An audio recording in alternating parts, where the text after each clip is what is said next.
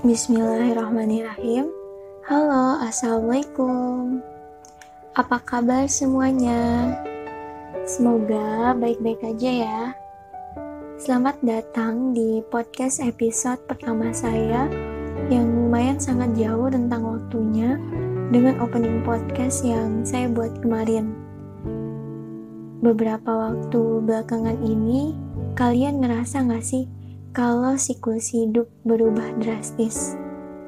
Dari yang mobilitasnya super aktif, kita harus terpaksa untuk memasifkan diri. Di situasi yang kayak gini, pernah gak sih satu hari kamu ngerasa marah banget sama banyak hal? Baik itu orang, keadaan, situasi, kondisi, anything yang di mana itu ngebuat kamu tanpa sebab tiba-tiba pengen nangis. Ngerasa nggak ada yang benar-benar ngertiin kamu, bahkan diri kamu sendiri. Yang di mana ujung-ujungnya kamu malah nyalahin diri sendiri. Kenapa sih aku hidupnya kayak gini? Kenapa aku nggak bisa jadi orang yang berguna? Kenapa aku gagal terus? Dan banyak kenapa lainnya yang malah bikin kamu tambah frustasi. Terus, parahnya nih, kalau kamu sampai ngebandingin kehidupan kamu sama orang lain. Hidup dia enak ya, banyak yang sayang, ketawa terus, semua impiannya tercapai, jalan hidupnya dipermudah, dan lain-lain. Kalau kamu lagi ngerasain itu sekarang, berarti itu pertanda yang baik bahwa kamu sedang diberi kesempatan untuk memaknai rasa sedih dalam hidup. Itu hal yang wajar dan semua orang merasakannya, tapi dengan porsi yang berbeda. Gak apa-apa, ajak main aja rasa sedihnya, ikuti alurnya, selami sampai kamu menemui arti dari sedih itu sendiri.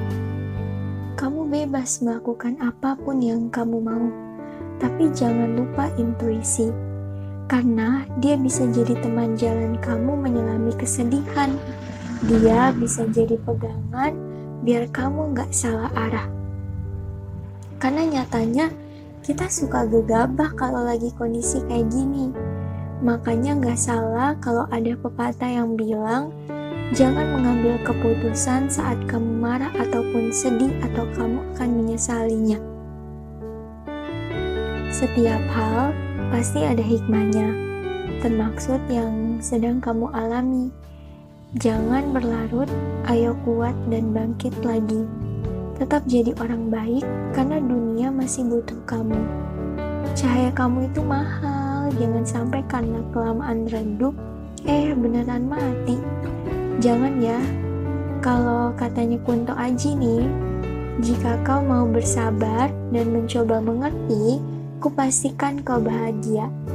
Mungkin sedih kamu itu juga kesempatan yang Allah kasih untuk kamu rehat dulu sejenak, karena kamu juga butuh waktu untuk selesai dengan diri. Kalau udah selesai, baru deh siap untuk berkontribusi lagi. Semoga beberapa kata ini bisa menjadi penyemangat kamu, karena sebenarnya bahagia nggak harus hanya dengan gembira, tapi ada orang-orang yang justru menjadikan rasa sedih sebagai sumber bahagianya. Semua tergantung kamu ingin menganggapnya seperti apa.